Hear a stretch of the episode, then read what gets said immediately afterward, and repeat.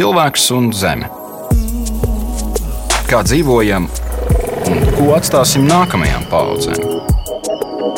Radījums un podkāsts Zeme 2050. Ilgtspējīga nākotne. Labdien! Latvijas radio viens ēterā raidījums Zeme 2050. Ar jums kopā Aleksis Vilciņš. Un, protams, sveicinu arī tos, kas šo klausās podkāstu formātā, straumēšanas platformās, kā arī tos, kas vēro šo raidījumu Latvijas radio YouTube kontā. Sveicieni jums! Šīs dienas raidījumā mēs runāsim par to, ko nozīmē ilgspējīga pilsēta. Kā pilsētām jāattīstās, lai tajās būtu patīkami dzīvot tik vienam, kā līdz 2050 gadam nenosmakt uh, auto izplūdes gāzēs, kā pilsētas padarīt zaļākas un arī drošākas. Uh, lai palīdzētu tikt pie atbildēm, ar mani virtuāli kopā ir šīs uh, Zeme 2050 sērijas eksperti, pilsētu plānotājs, antropologs un inovāciju kustības VFresh vadītājs Viesturs Celmiņš. Sveiks, Viestur! Sveiki! Un arhitekte un urbāniste Evelīna Ozola. Sveika, Evelīna! Labdien! Evelīna un Viestūra ievadā radījuma sākumā es gribētu dzirdēt jūsu stāstus īsumā. Kā sākās jūsu aizrautība, darbs ar pilsētvidas un urbānās vidas jautājumiem, ja tā varētu teikt, kas atvēra acis uz to, ka šie jautājumi ir ārkārtīgi svarīgi mūsu ikdienas dzīvē. Viestur, varbūt sāksim ar tevi. Es nodarbojos ar skateboardu no kādu 12, 13 gadu vecuma. Tā bija mana teikt, praktiskā iniciācija, ieiešana pilsētvidē. Varbūt daudzi neatcerās, nezinu, 90. gadi bija bijusi cita realitāte. Tu uz ielas varēji, nu, teikt, pēdiņās norauties, te varēja novilkt prosenus un, nezinu, pieņemsim, Rīgas centrā neviens pie pilna saprāta negāja tālāk pa Jerzāmas ielu, tāpēc, ka tur bija garantēts, ka tev aplaupīs, ja tu biji, teikt, zem 18 gadu vecuma. Un tas bija mans pirmais solis praktiskā darbībā. Pēc tam es sāku studēt augstskolā. Un no kopš bakalaura laikiem es esmu veltījis publiskās telpas izpēti centrā, nodzīvoju divus gadus Ņujorkā, studēju pilsētas socioloģiju, pēc tam četrus gadus Kembridžā, pilsētvidi, plānošanu, arhitektūru un visbūtiskāko politiku, kas faktiski nosaka pilsētu. Jo mums, arhitektiem, liekas, gribētu domāt, ka mēs nosakām pilsētu, bet īstenībā politika nosaka pilsētas plānošanu. Arhitektiem tur ir kā, nu, 20-30% iespējas. Patreiz es vadu inovāciju kustību Vefresh, kas ir tāda kā ideju uzņēmumu praktiķu apvienība, kas mēģina realizēt pilotu teritoriju VF apkaimē, kur ar tehnoloģiju starpniecību uzlabot dzīves kvalitāti iedzīvotājiem un Rīgas pilsētas viesiem. Evelīna, kā sākās tavs stāsts, un varbūt arī klausītājiem var arī paskaidrot terminu urbānists? Es, atšķirībā no es tur neesmu no centra, es esmu no pārdaugavas. Lai gan, nē, viestur arī nē, es ne no pašrīgas centra, nē, tev ir tur teikumi. Es esmu no teiks. Jā, Nē, mēs esam no, no nomalēm nosacītām. Es studēju arhitektūru. Un studiju laikā es sāku aizvien vairāk saprast, īpaši pēdējos kursos, ka man interesē pilsēta vairāk nekā atsevišķas ēkas un, un tas, kas notiek starp ēkām. Un tad uh, es diezgan daudz strādāju dažādos arhitektūras birojos. Tad pienāca uh, 2008. gada finanšu krīze, un, un tad tā darba arhitektūrā vairs tā īsti nebija. Uh, Un uh, es izmantoju to brīdi, lai dotos studēt maģistrantūrā pilsētplānošanu, kas ir tas pats urbānisms. Urbānisms iekļauj pilsētu plānošanu, pilsētvidas dizainu. Un uh, jā, aizbraucu uz, uz Nīderlandi, kur uh, Delftā mācījos tātad urbānismu. Pēc tam vēl pastrādāju kādu laiku tur. Atgriezos Latvijā un diezgan daudz sāku rakstīt, runāt par pilsētu. Esmu strādājis arī par pasniedzēju gan Latvijā, gan Zviedrijā Arī tur kāds laiks ir pavadīts. Un šobrīd es nodarbojos ar to, ka lieku lietā sev zināšanas par mājokļiem, par mājokļu politiku Latvijā, vadu kultūras ministrijā dizaina padomi, kurā mēs esam šobrīd centīgi strādājam pie jaunās Latvijas dizaina stratēģijas nākamajiem septiņiem gadiem. Raidījuma sākumā tāds diezgan plašs jautājums. Esiet gatavi. Ko jūsu pasaulē ietver jēdziens ilgspējīga pilsētas attīstība? Kādā virzienā ir jāattīstās pilsētā, lai mēs varētu to saukt par ilgspējīgu? Es domāju, ka Evelīna papildinās, nu, šis vārds ir varbūt pat te jau nevārds kļuvis, ja viņam ir tā kā neslava izveidojusies, ja viņš tiek lietots tur, kur vajag un kur nevajag. Un rezultātā cilvēkiem bieži vien grūti saprast, ko viņš varētu nozīmēt. Ir finansiāla ilgspēja, ir uzņēmuma ilgspēja, ir dabas procesa ilgspēja, ir būvniecības ilgspēja, un sakot, tas ir nepieciešams mazliet paskaidrot. Kaut kādā ziņā pilsētām jākļūt ilgspējīgām ir dara reversā. Jā, viņas bijušas ir ilgspējīgākas nekā mēs esam patreiz, un tas ir atgriešanās pie elementāriem principiem, kas ir zināmi un saprotami šajās kopienās gadu simtiem, gadu tūkstošiem. Proti, vēlams ir pārvietoties ar kājām. Vai ar velosipēdu, nu, ne jau velosipēds tika izdomāts pirms tūkstošiem gadiem, un tomēr, ka tu mēģini padarīt cilvēku mērumu atbilstošāku pilsētvidi. Tas ir viens aspekts, un ar to tagad ir liela plāna Eiropā un arī pasaulē, kad Mēs veidojam kopienas mājokļus, sociālus pakalpojumus, gājienu attālumā. To sauc par 15 minūšu pilsētu, to sauc par staigājumu pilsētu, to, to sauc par humānu pilsētu. Nu, dažādi vārdi, dažādi koncepti, bet tā ideja ir tāda, ka tev nevajadzētu braukt ar mašīnu 20 minūtes uz darbu, un vēl 20 minūtes uz bērnu dārzu, un vēl 20 minūtes tālāk uz treniņu, un vēl 20 minūtes pie ārstiem. Tas būtu gājienu attālumā, līdz ar to tu nepatērē fosilos resursus un pat arī atjaunojamos resursus. Tu izmanto savas kājas, tas ir viens. Un šeit es domāju, ka ir liels solis, ko es spēru apvienotās nācijas ar šiem ilgspējas attīstības mērķiem, kur 11. ir runa par to, ka mēs būvējam drošas, iekļaujošas un eh, dabas resursus audzējošas pilsētas. Ja? Tas ir tas tā, nu, formālais virziens, kā mēs mēģinām padarīt pilsētvidas iekļaujošākas, drošākas un līdz ar to arī ilgspējīgākas. Un te ir, protams, runa par politiku. Ja? Tas nav viena cilvēka lēmums, tas ir kopienu lēmums. Es pieņemu, ka Elīna var izvērst vairāk par materiālu izvēli, par um, būvniecību, vertikālām lietām un citām jautājumiem. Uh, jā, es uh, papildināšu. Vai ilgspējīga pilsēta attīstība ir vispār interesanti likt kopā to ilgspēju ar attīstību, jo nu, attīstība un tāda izaugsme ir savā ziņā pretrunā ar ilgspēju. Visu laiku augt un kļūt aizvien lielākiem un ieņemt lielākas teritorijas un pulcēt aizvien vairāk cilvēku, nu, kā arī nav reizē ilgspējīgi. Tāpēc tam ir jānotiek uh, diezgan tādā pārdomātā, kontrolētā veidā. Un pilsēta ilgspēja, nu, tie, tie trīs tādi uh, ierastie pamati, uz ko tas balstās, tā ir ekoloģiskā, ekonomiskā un sociālā ilgspēja. Tur jābūt nu, pietiekami daudz no visiem tiem aspektiem, un tos aspektus veido ļoti, ļoti daudzas tādas sarežģītas, bet arī, arī tādi nu, salīdzinoši mazi punkti. Tas ir būvēt, ņemt vērā materiālus, būvēt cilvēkam patīkamā mērogā, domāt par to, cik daudz enerģijas pilsēta patērē, kādus resursus, kā to visu pietiekami efektīvi izmantot. Tad tiksim, visas ekonomiskās lietas, ka tai pilsētai tomēr ir jāspēj pastāvēt arī finansiāli, un tai ir jādod iespēja cilvēkiem strādāt un veidot savu uzņēmējdarbību. Un sociālās lietas, kas iekļauj kopienas, kā Viestures minēja, kopienām, kopienu iespējas piedalīties lēmumu pieņemšanā, Un pilsētā ir jābūt iekļaujošai tādai, kas ir domāta un ērta un patīkama visiem iedzīvotājiem, visiem dažādajiem pilsētas iedzīvotājiem. Par iekļaujošu pilsētu gan Evelīna, gan Viestures pieminēja. Droši pilsētu mēs tā kā saprotam, varbūt saregulētas tur gājēji pārējais, neviens nekur nevienam nebrauc virsū, ir visādas barjeras un tam līdzīgi. Zaļu pilsētu mēs saprotam, koki aug, ir ko elpot, viss forši. Ko nozīmē iekļaujoša pilsēta? Kā tam jāizpaužas? No iekļaujoša pilsēta nozīmē to, ka tā tiek veidota un plānota ņemot vērā visus tos dažādos vajadzības un skatu punktus, kādi ir tiem dažādajiem cilvēkiem, kas tur dzīvo. Man liekas, šobrīd to arī var diezgan labi novērot. Visur pasaulē, ka pēkšņi visi ir atjāgušies, ka kā tā pilsētas un, un, un ļoti daudzas citas dzīves jomas ir veidotas lielākoties vēsturiski tā, lai būtu ērti un labi nu, tādiem darba spējīgiem, pieaugušiem, baltādainiem vīriešiem. Un tad mēs esam pēkšņi atcerējušies, ka ah, ir arī seniori, ir bērni, ir sievietes. Ļoti daudziem no viņiem pilsētā ir citi pavisam paradumi. Daudziem no viņiem pilsētā ir bail, piemēram, tumšā laikā pārvietoties. Nu, un vēl visādas citas lietas, kuras būtu vērts pārdomāt un iekļaut, plānojot, projektējot. Eh, projektot pilsētu. Un nevēl arī bija iestura pieminētie apvienoto nāciju ilgspējīgu pilsētu mērķi.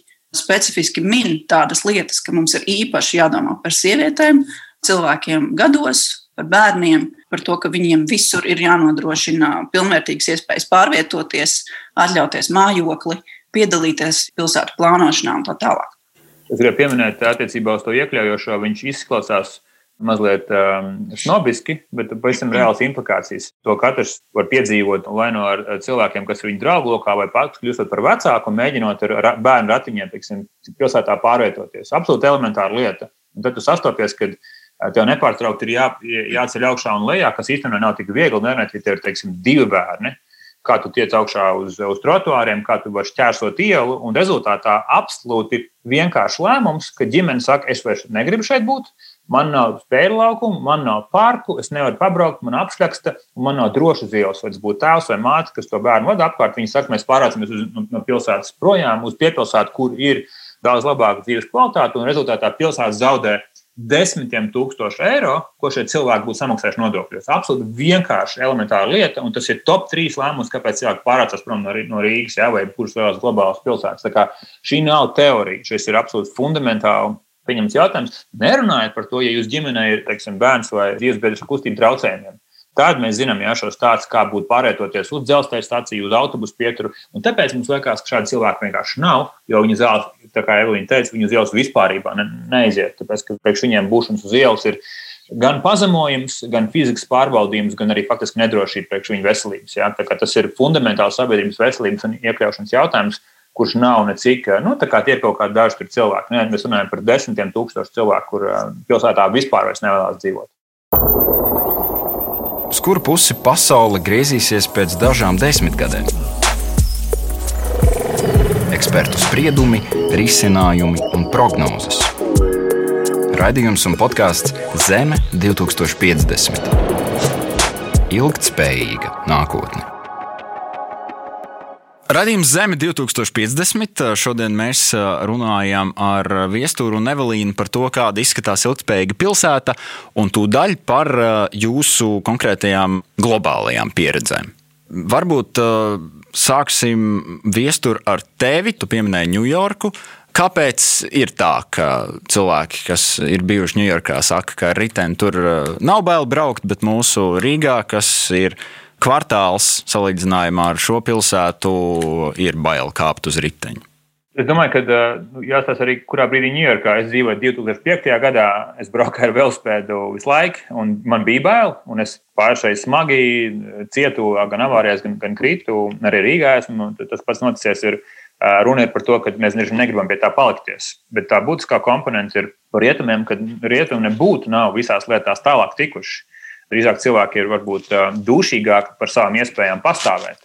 Un Ņujorka noteikti ir augusi pēdējos, nu, varbūt 5, 6 gados, gan ar publiskās telpas labie kārtojumi, ko mēs runājam ja, par to, vai, vai un kā cilvēkiem patīk būt pilsētā ārpus izglītības un savu darbu. Ja mēs sakām, šie trīs komponenti, kas veido mūsu dzīvi, tad ir miegs, darbs un kaut kāda atpūta. Ja? Un ir, ir bieži vien sajūta, ka pilsētās cilvēki pavada tikai tik laika, cik nepieciešams minimāli. Ja? Es ātri nostādēm braucu projām kaut kur uz kaut kādu savu oāzi. Un tas, man liekas, ir tā postaža, kur mēs nekādīgi ne, ne, ne, nenonāksim pie ilgspējīgas pilsētas, kad tā īstā dzīve ir piepilsētā, vai tā īstā dzīve ir laukos, kas, nu, teiksim, pandēmija to, to pacēlus. Man liekas, tas ir ļoti liels izaicinājums. Un Ņujorka iet šo ceļu, kad kā labi kārtot dzīvi, lai cilvēki gribētu palikties arī, arī pēc savu darbu. Tāpēc ir velojoslas, tāpēc ir publiska ārtelpa, skvēri, parki, gājēji, infrastruktūra veidojās ļoti, ļoti strauji. Ja? Teiksim, manā laikā, kad es dzīvoju Ņujorkā, Times Square bija vienkārši viena liela reklāmas platforma. Tagad viņi ir bez automašīnām un staigājiem. Kas to būtu arī iedomāties? Ja? Tad vienkārši cilvēks smietos tev sajā, ja tu kaut ko tādu pateiktu. Viņi dzeltenie takši un, un Times Square bija vienkārši kā, kā roka ar cimdu. Un tagad tā vairs nav. Un ir desmitiem skvēri pa visu pilsētu, kas ir mainījis pilsētas seju. Un es domāju, ka tā viena fundamentāla lieta, kas jāsaprot par ilgspējas jautājumiem, kas gala beigās tie ir cilvēku paradumi. Tā ir kultūra. Mēs sakām, nu jā, mums jau nav klimatisko apstākļu pēc velospēdiem. Tas ir pilnīgs muļķības. Cilvēki Zviedrijas ziemeļos, Somijas ziemeļos un Norvēģijas ziemeļos brauc ar velospēdiem 12 mēnešus gadā. Tas ir kultūras, nevis klimata jautājums. Un, ja mēs nemainīsim kā iedzīvotāji savu attieksmi, vai tā būtu Ņujorka, vai tā būtu Kembridža, vai tā būtu Rīga, nekas jau nemainīsies. Ja? Cilvēkiem ir tās divas, trīs minūtes, kuru vārdā viņi gānās pa velospēdistiem vai par gājēju, kurš ķērso ielu. Ja? Un cilvēki vienkārši saka, labi, es balsošu ar kājām. Ja mans četrgadīgais bērns nevar justies droši uz ielas, Ņujorkā, Kembridžā vai Rīgā, es braukšu tur, kur viņš jutās droši. Man nav laiks iet vienmēr protestēt pret Rīgas vai kādas citas pilsētas domu ar šo ideju. Tas ir pašas pilsētas interesēs runāt par to, ko Evelīna teica, par no mazākā līdz vecākam cilvēkam. Tas ir viens, un šajā gadījumā es, es esmu braukājis ar velospēdu visur, kur es esmu dzīvojis. Tā bija arī bijusi mana izvēle. Tagad man ir divi bērni Rīgā, tas ir reāli grūtāk. Tāpēc, ka ar bērniem uz ielas es vairs atbildu par viņiem, ne tikai par sevi. Nu, es nokritīšu, sastīšu galdu, es augšā. Bet, ja viņi cietīs, es to nepiedošu sev. Un tā ir atšķirība starp manu pieredzi Ņujorkā, Kembridžā, Krievijā vai, vai arī Rīgā. Kad Rīgā ar bērniem nav droši braukt, diemžēl, es domāju, ka pieaugušam cilvēkam ir, ir ok, nav perfekti, bet ir ok. Bet ar bērniem tas ir pilnīgi cits jautājums. Un tev ļoti rūpīgi jāstāsta, par kuriem tu brauc, lai tas, tas maršruts būtu īstenībā pietiekoši drošs. Evelīna, ja tev jāsalīdzina sava pieredze šeit pie mums un, un Nīderlandē. Un papildu jautājums. Vispār cilvēki arī sociālajos tīklos daudzkārt saka, ka mēs nevaram, piemēram, Rīgu salīdzināt ar tādām pilsētām kā Amsterdama, Kopenhāgena. Tad varam vai nevaram? Nu, es domāju, ka tas nav tik tāds balts un melns jautājums, vai mēs varam vai nevaram. Nīderlanda ir ļoti, ļoti atšķirīga zeme no, īstenībā, no visām citām. Jo Nīderlanda ir no, no jūras izcelta teritorija. Un tur mācoties un dzīvojot, es diezgan ātri sapratu, ka holandieši uz savu valsti, uz savu zemi skatās ievērojami citādāk nekā mēs. Tur zemes virsma un, un ūdens virsma tie ir tikai materiāli. Viņus veido pēc savas iegribas. Tā zeme kopumā nav dabiska, viņa ir cilvēku izveidota. Un, līdz ar to tur diezgan bieži teiksim, tiek izveidotas jaunas teritorijas. Tāpēc, ka nu, mums tagad vajag vairāk zemes, mēs uztaisīsim jaunu polderi un tur mēs varēsim kaut ko būvēt. Un vienlaikus arī saprast kaut kādās atsevišķos gadījumos, nē, bet te dabai ir jādod vairāk vietas. Piemēram, studiju laikā bija jāsargā tāda pilsēta Naimēgana, kur eh, diezgan ievērojama nu, pilsētas daļa tāda, kas būtu pie mums, piemēram, Zaķu salu. Viņi atdeva atpakaļ upei, tāpēc, ka saprata, ka ūdenim nepieciešams vairāk vietas, lai pilsēta neaplūstu. Viņi pieņēma šādu kompromisu, ka ok, šo daļu mēs atdodam, bet tad attiecīgi kaut kur citur mēs iegūstam vairāk vietas dzīvei. Un, uh, es domāju, ka tik tādi radikāli paņēmieni Latvijā vispār nav iedomājami. Bet, ja runā par riteņbraukšanas kultūru Nīderlandē, jā, tā, tā ir kultūra. Pirmkārt, tas ir, tas ir absolūti normāli. Jebkura vecuma cilvēkam sēsties uz velospēdu un braukt savās darīšanās. Un tas ir arī ļoti, ļoti ērti, jo tiešām visur ir pieejama vēlā infrastruktūra, visur var velospēdu pieslēgt. Neviens nestiepj savus divriteņus uz 5, 6 stāvu, kā tas ir Rīgā. Bet vienlaikus es domāju, ka nevajag arī idealizēt. Jo, protams, ka tur divriteņus zog. Šausmīgi daudz zog, vēl daudz vairāk nekā pie mums. Vai tur neviens nebrauc ar mašīnām? Brauc daudz vairāk nekā Latvijā. Nīderlandes teritorijā ir kaut kādi 16, 17 miljoni iedzīvotāji, un tā ir mazāka nekā Latvija. Mašīnu tur ir ļoti, ļoti daudz. Un Amsterdamā, protams, ir smukās bildes, ko mēs redzam, ka tur visi brauc ar divriteņiem, bet tur ir ļoti daudz mašīnu.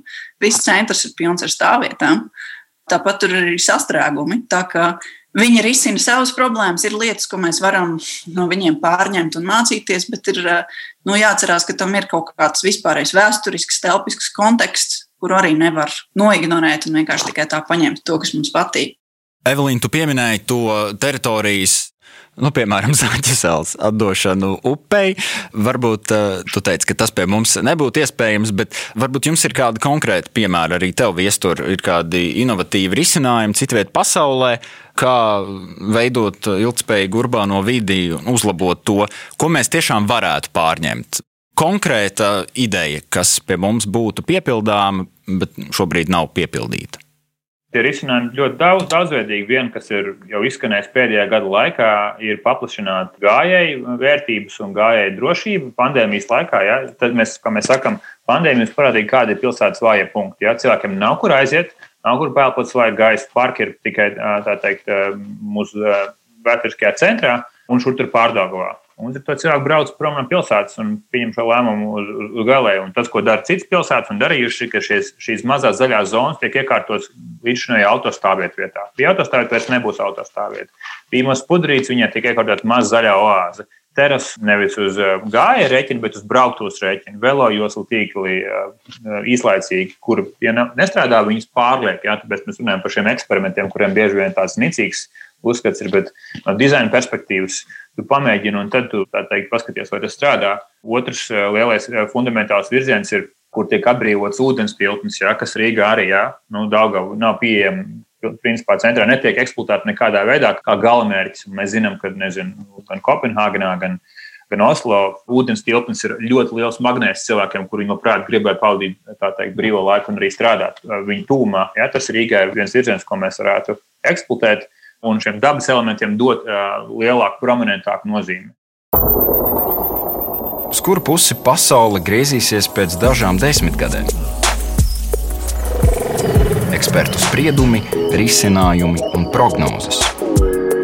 Raidījums un podkāsts Zeme 2050. Ilgtspējīga nākotne. Mums, protams, pilsētā vajag ne tikai apsēsties, kaut kur mums vajag arī tikt. Eh, viens no patīkamas pilsētvidas pamatnosacījumiem ir iespēja ērti un ātri nokļūt sev vajadzīgajā vietā galamērķī. Kā jau mēs dzirdējām radījuma sākumā, tad, mobilitāte ir ļoti svarīga. Tāpēc šajā brīdī es mūsu sarunā vēlos iesaistīt vēl divus ekspertus eh, - SIA iela inženieri un satiksmes infrastruktūras plānotāju viesturu eh, Lauru. Sveiks, viestur! Thanks. Un arhitektu, pilsētu plānotāju, pilsētu vidas un apkaimju aktīvistu kustības pārstāvi projekta Pilsēta cilvēkiem un Agents Kalnu apkaimes biedrības valdes locekli Otto Ozolu. Sveiks, Otto! Sveiki! Man ir mazliet uh, radusies tāda sajūta, varbūt tas ir mans uh, sociālo tīklu burbulis un tā vaina, bet kā tiek kustināts kāds pilsētvidas jautājums, tā vienmēr kāds ir nelaimīgs nu, kādā no visām daudzajām pusēm. Ja mēs uh, veidojam uh, autocentrisku pilsētu, tad uh, mēs iegriežam velobraucējiem. Ja mēs attīstam velo infrastruktūru, tad autobraucēji saka, ka tiek iegriezts viņiem. Kā vispār var atrast kaut kādu kopsaucēju un samierināt visas šīs puses? Tam tā nevajadzētu vispār būt, ka kāds ir šausmīgi nelaimīgs, tāpēc ka kādam citam iet labāk. Pilsētā ir jāspēj sabalansēt intereses jā, kādam tas radīs nērtības, bet arī tām nērtībām nav jābūt milzīgām.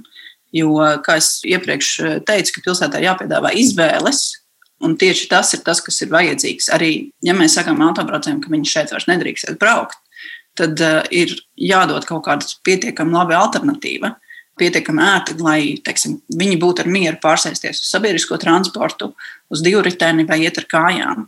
Un uh, tieši tāpat ar visiem pārējiem. Arī velobraucēji nebūs visur galvenie. Būs vietas, kur viņiem ir jādod tomēr ceļš gājējiem vai kaut kādai lielākai autoplūsmai. Es domāju, ka ir komunikācijas jautājums ir diezgan problemātisks par to, ka izklausās, ka tiek prioritizēta kaut kāda viena grupa un pārējās tiek nostumtas nost. Tā tam nevajadzētu būt. Bet, nu, tas ir ļoti, ļoti liels skaidrošanas jautājums, kā skaidrošanas uzdevums, precīzāk, ka ka katram tajā pilsētas kopējā ainā atrodas kaut kāda vieta un uh, tiek piedāvātas tās ērtās izvēles. Par ilgspējīgu infrastruktūru runājot, man šķiet, ka ir arī klausītājiem jāpavēst tas, ka tas nenozīmē tikai un vienīgi jaunu infrastruktūras objektu būvēšanu, vai ne? Tas nozīmē arī jau esošo lietu sakārtošanu un saglabāšanu. Un, um, esam mēs nonākuši, jāsāk runāt par mūsu mīļo galvaspilsētu Un uh, es gribu tā mazliet konkrētāk jau sākt uh, runāt, vai jums ir uh, kādi prātā šobrīd šādi objekti Rīgā, par ko jūs esat pilnīgā šokā, ka tie vēl nav sakārtoti? Man liekas, ka pirmais man nāk prātā mūsu īstenībā pilsētas seja, galvenā iela, brīvības iela. Pavisam nesen tur tika veikti remontdarbi un tur tika ieguldīti milzīgi līdzekļi, bet um, pēc remontdarbiem nevis mēs spērām solis priekšu, lai to ielu padarītu mūsdienīgāku, ērtāku, labāku, drošāku, bet mēs spērām atpakaļ. Mēs uh, uztaisījām vēl papildus auto joslas. Un tā iela ir tiešām tāda pelēka, pamirusi, bet tas ir pats pats pilsētas centrs. Un, un uh, tieši tas stāsta par nevis jaunu ielu būvēšanu, bet esošo pielāgošanu. Un tur to varēja izdarīt pavisam vienkārši. Ja varēja atrast vietu kokiem, labiekārtojumam, velo infrastruktūrai. Un, Un gal galā nekas nebūtu zaudēts. Jo, ja mēs paskatāmies tādā plašākā mērogā to ielu, tad, piemēram, tas pats Vēfta tilts jau ir tik šaurs, cik viņš ir. Un tas nozīmē, ka brīvības ielai nav jāpārvērš piecos lielu. Un, um, to mēs varējām izdarīt. Un, īsumā es gribētu, lai to izdarītu un sakārtotu to ielu arī nākošajos gados. Viestur, kas ir varbūt tavs piemērs? Viestur Laura. Mums divi viesturi jāsāk jūs uzvārdos, laikam uzrunāt. Man liekas, ka šis jautājums ir tāds Katra apkaimē iedzīvotāji teiks, ka uh, viņu centra vai galvenā iela vai, vai laukums ir, ir tā pati nesakārtotākā vieta. Jo ir skaidrs, ka satiksmes infrastruktūra vispār ir ļoti, ļoti dārga pilsētai un, un investīcijas, investīcijas prasoša.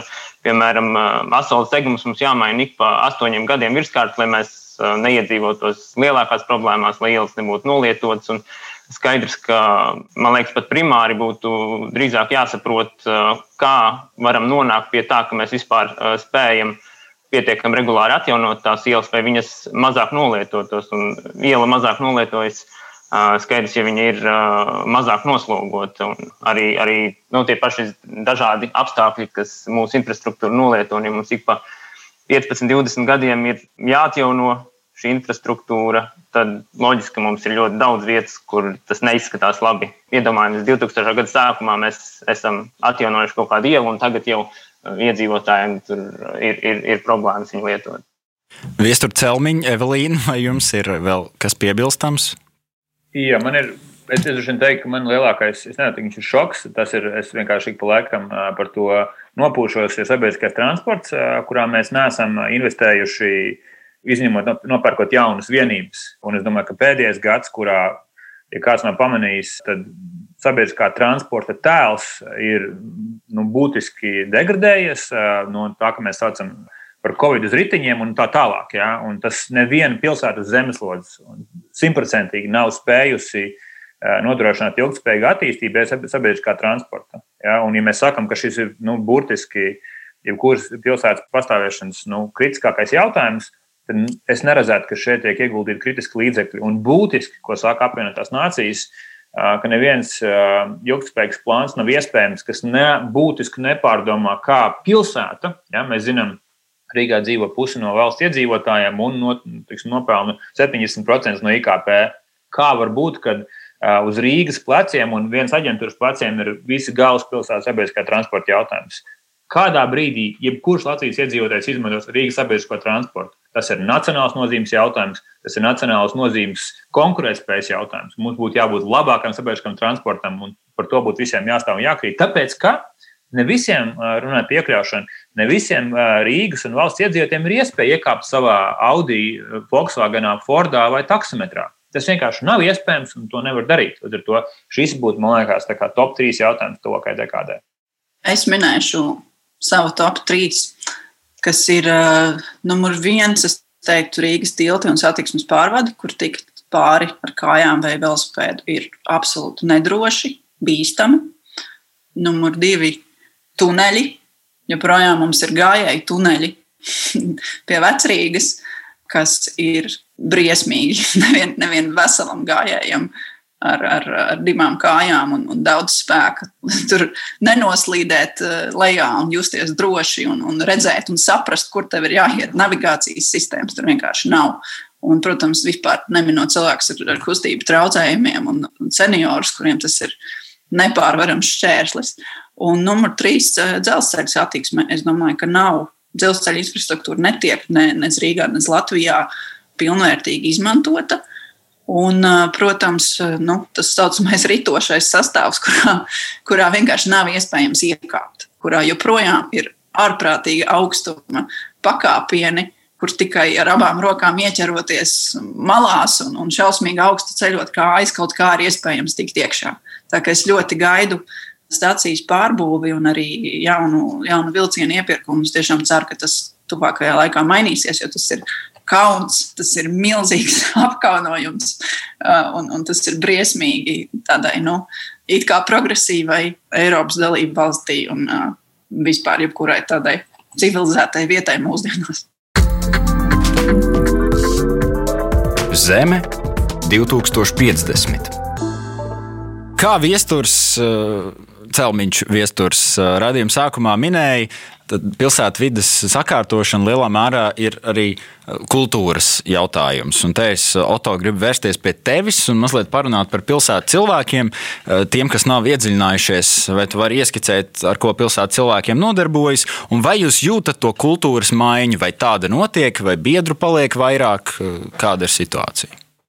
Pilsētas cilvēkiem vispār tika izveidots ar mērķi tiešām pievērst uzmanību un runāt par tām problēmām, kuras mums pilsētā ir. Un pirms pieciem, sešiem gadiem, kad tā biedrība veidojās, bija sajūta, jā, ka tā ir tāda maza aktīvistu kopa, kura kā, par to uztraucās, bet patiesībā tās pārmaiņas jau sākas cilvēku un sabiedrības galvā galvās, daudzās galvās. Un, un tikai tad tās attīstība un pārbūvēšana, pielāgošana ielās var notikt. Un tas ir tas pamatmērķis, lai tiešām par to runātu un mainītu to veidu, kā mēs skatāmies uz pilsētām. Un, un to pēdējo piecu gadu laikā man ir sajūta pilnīgi noteikti, ka daudz kas mainījies. Kaut arī tas pats Tērbats ielas eksperiments un Čakielas eksperiments, kas, ja tā padomā, pirms pieciem, desmit gadiem, nu, tas nebūtu noticis. Un ka sabiedrība kopumā jau izaugusi līdz tādam līmenim, ka tas jau tiek pieprasīts. Un, un ir daudzi, daudzi cilvēki apkārt, kuri arī spēj skaidrot pat savam kaimiņam, kāpēc tās pārmaiņas ir vajadzīgas. Pirms gadiem, pieciem, sešiem tā nebija. Un tas, man liekas, tas vispozitīvākais tieši tādai kustībai un aktīvistiem un apkaimnu kustībām, apkaimnu biedrībām, kuras arī pēdējos gados ļoti, ļoti daudz aktivizējušās visapkārt pilsētā. Jā, tas arī tas tāds indikators. Ja, ja cilvēki paliek aktīvi, tas nozīmē, ka, ka pilsētā ir daudz problēmas. Ja būtu viss kārtībā, būtu tāds kā Kopenhāgenā, kur tādas apkaimnu kustības ir ļoti, ļoti grūti iekustināt, jo cilvēki ir pasīvi, jo viņiem vienkārši viss ir labi. Un, ja, ja mēs esam tik aktīvi, tas man liekas, ka ir ļoti, ļoti pozitīvi. Un tas ir tāds tiešām sajūta, ka būs, būs pārmaiņas un nākošajos gados būs labi. Vai kādam no viesturiem vēl kas piebilstams par kultūru? Jo būsim godīgi, pēc pēdējām tās gan ārkārtas pašvaldību vēlēšanas pie mums Rīgā, pēc tā iznākuma nu, bija tāds vilnis, ka oh, ka tagad būs visi koki tiks sastādīti un, un viss tiks sakārtots. Vai šim optimismam ir pamats joprojām? Jā. Jā. Es domāju, ka visi ir nauda. Es domāju, ka visi klātsošie pamāca galvu. Iepriekšējie desmit gadi bija nu, ļoti, ļoti, ļoti sarežģīti un, un pat diskusijas nebija, nebija iespējams. Un, Jāpatur prātā, ka pilsētvidē lietas nemainās tik ātri. Jā. Ir lietas, kuras ir ļoti ātri izdarīt, bet ir, nu, ir lietas, kuras prasa, kuras prasa ilgāku laiku. Es domāju, ka to mēs respektējam. Bet dienas kārtībā jautājumi kas tika iecelt, un es gribētu cerēt, ka viņi atsauksies arī uz reģionu vēlēšanām tagad. Ja, ka vispār pilsētas dzīves kvalitāte uh, un, un ilgspēja vispār nebija tēma. Viņi vienkārši bija nu, dažiem kaut kādiem interesantiem. Un tagad viņi būs iecelt, un pat tiem, kas ir nīdēji, ja var tā teikt, viņiem arī kaut kas jāsaka. Viņiem arī jādomā par to, kā pilsēta pelnīs naudu, kā cilvēki nokļūs uz punktu uz A un B. Ja? Viņi vienkārši ir spiesti darīt to. Un tas, manuprāt, ir tas, ko Oto saka. Mēs lēnām pa soli pa solim, līdzīgi kā katram mums ir grūti mainīt ieradumus, mēs kā sabiedrība un kopienas tos ieradumus lēnām garām mainām. Un domāju, tas ir tas ceļš, ko mēs redzam noteikti jau pēdējo pusgadu laikā, kas ir mainījies un, un attieksme varbūt joprojām pieklabo, bet es domāju, ka viņi noteikti ir ar vektoru. Uh, tajā virzienā, ka pilsētai būtu jābūt ilgspējīgai, gājējiem un iedzīvotājiem draudzīgam. Ja tāda tēma nebija pirms desmit gadiem, pilnīgi noteikti. Jā, es arī varu piekrist šim viedoklim, bet par sabiedrību kopumā manā nozarē arī pēdējos desmit gados, var teikt, ir pilnībā mainījusies tā loma, ka iedzīvotāji iesaistās ielu projektos vai satiksmes infrastruktūras projektos. Uh, Attiecīgi, tagad tā iesaiste ir uh, stipri lielāka, tiek pieprasīts kvalitatīvi gan materiāli, gan uh, risinājumi, gan vispār diskusija par savienojumiem, vai kas ir vajadzīgs, vai ir šķērsojumi, vai jebkura satiksmes infrastruktūras sastāvdaļa uh, tiek ļoti plaši aprunāta un tiek saņemts viedoklis. Viestur, lai klausītāji saprastu, vai tu vari mazliet paskaidrot, ar ko nodarbojas iela šis uzņēmums, kurā tu darbojies? Jā, mēs jau kā nosaukumā rakstīts, ar ielu projektēšanu nodarbojamies, bet arī ar satiksmes infrastruktūras plānošanu, velo infrastruktūras plānošanu, koncepciju izstrādi. Esam arī iesaistīti Rail Baltica projektā un cenšamies pēc iespējas jā, pilnveidot dažādas satiksmes infrastruktūras puses un, un kopēji attīstīt šo jautājumu. Tagad pavisam nesen uh, Rīgas domas satiksmes departaments veica aptauju. Viņi ir publicējuši tos uh, rezultātus infografikos. Un šī aptauja parāda, ka 63% iedzīvotāju Čakas ielas velo joslu uh, sauc par lietu, kas rada sarežģījumus. Un uzņēmēji ir vēl kritiskāki par šo velo joslu.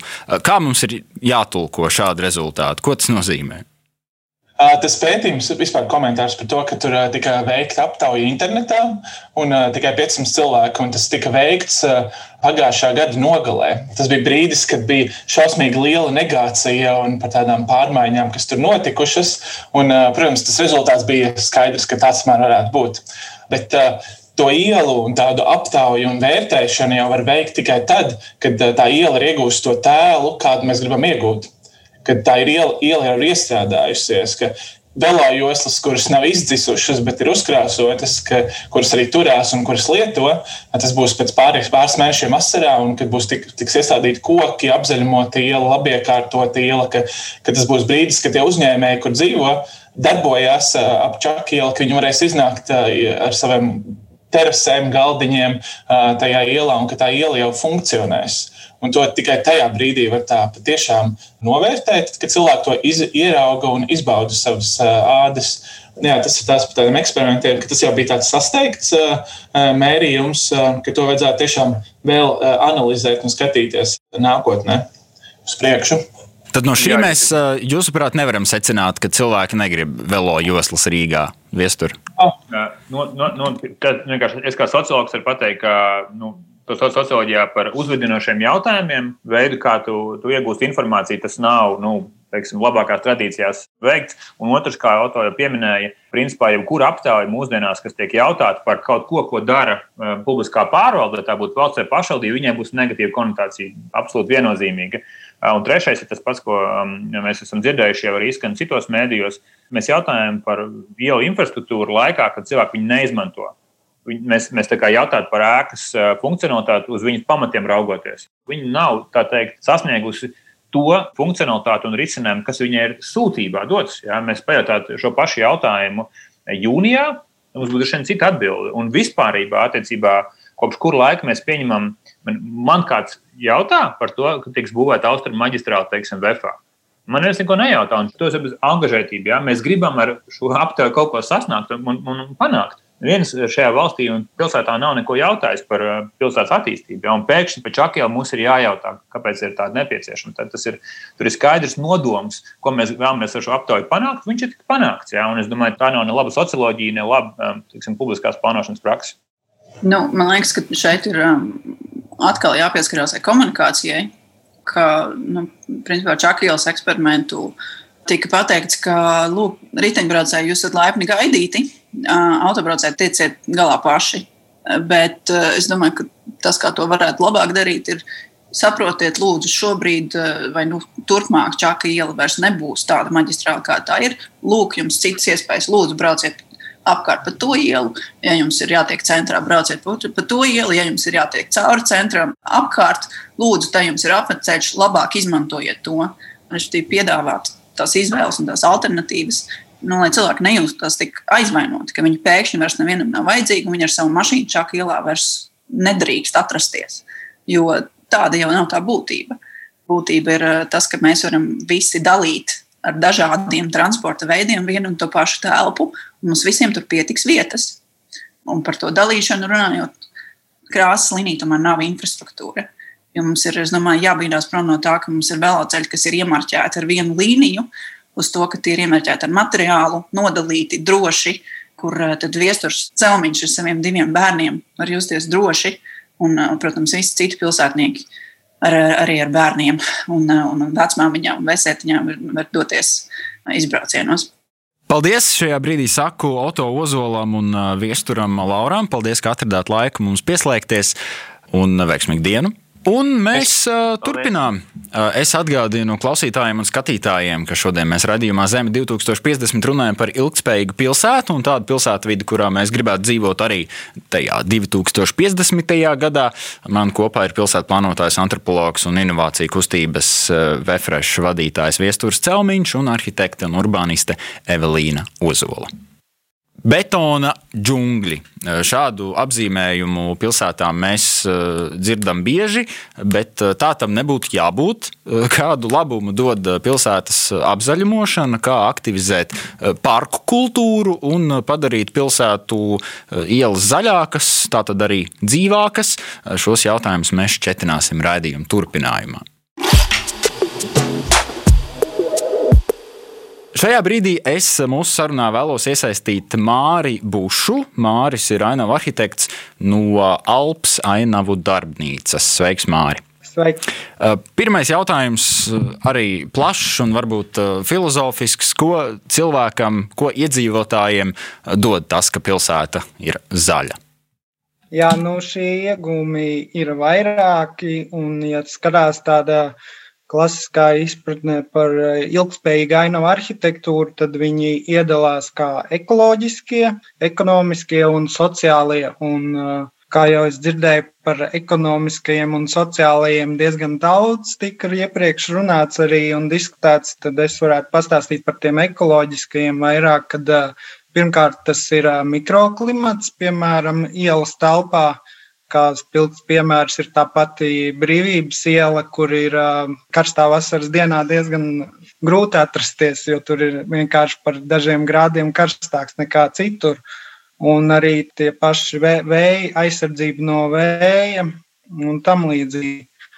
Tā arī ir iespējams caur uh, šiem ilgspējīgiem risinājumiem risināt lietus ūdens savākšanu, kas uh, mūsu Rīgas pilsētā nu, tādās lielās lietus gāzēs ir ļoti labi novērojams, ka vienkārši tas uh, daudzums, kas nolīst to lietus ūdens kanalizāciju, nespēja savākt. Un caur šiem lietus dārzu risinājumiem ir iespējams atvieglot šo sistēmu. Tāpat arī ar apstādījumiem tiek uzlabota gaisa kvalitāte. Ne tikai viņi ražo uh, šo skābekli, bet arī aiztur putekļus un, un visas šīs dūmgāzes, kas ir no autotransporta. Tāpat arī tiek mazināti trokšņi un arī dabas daudzveidība. Tā teikt, ir ne tikai dažādas augus un sugas, bet arī kaut kāda mikrofauna spējīga ienākt pilsētām par ko mums ir liels prieks vienmēr ziņās, kad meža, meža cūks ienāk tur pilsētā vai, vai, vai kāds cits dzīvnieks. Tālūk. Man ir bijis šāds jautājums, un arī savu cilvēkiem apkārt es esmu dzirdējis, Kāpēc ir tik ārprātīgi sarežģīti tos kokus sastādīt vienkārši uz visām ielām? Kāpēc par to tik ārprātīgi ir, ir jāņemās? Kādas ir tās problēmas, kas rodas? Kāpēc mēs nevaram uz katras ielas sastādīt kokus? Tas ir kaut kas tāds izaicinājums, ar ko mēs saskaramies ikdienā. Un tā kā ja sociālajos tīklos notiek cīņa par to, kā lietot šo virzemi, ielas telpu, kā sadalīt, Tad savukārt projektējot, eh, notiek cīņa par eh, to, kas notiek pazemē, kur būs šīs apakšzemes komunikācijas un eh, kur būs kokiem saknes. Un, tā, tā liela problemātika saistās ar to, ka, piemēram, šīs apakšzemes komunikācija aizsargjoslas, viņām ir noteikts attālums, cik tālu var stādīt šo koku.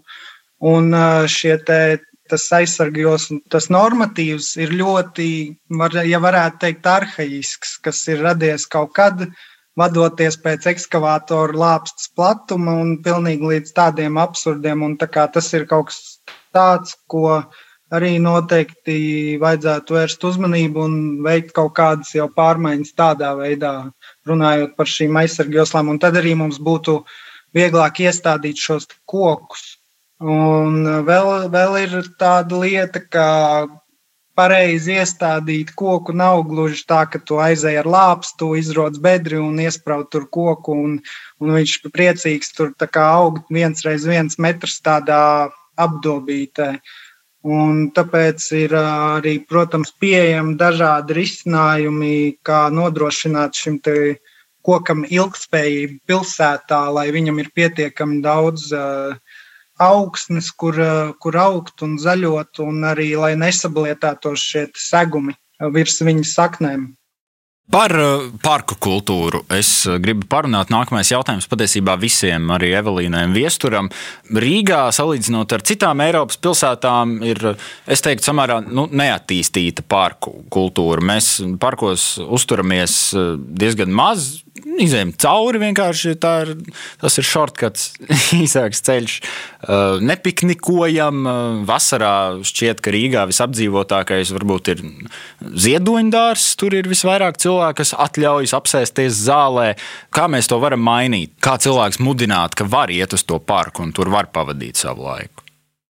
Nu, ja mēs atceramies, netik sen Rīgas parkos vispār nebija ļauts spērt kāju zālienā. Un tas nemaz nebija tik sen. Un, nu, šo, šo noteikumu atcēla, cilvēki sāk saprast, ka jā, parkos lūk, var iet un iet sēdēt tajos zālienos un tam līdzīgi.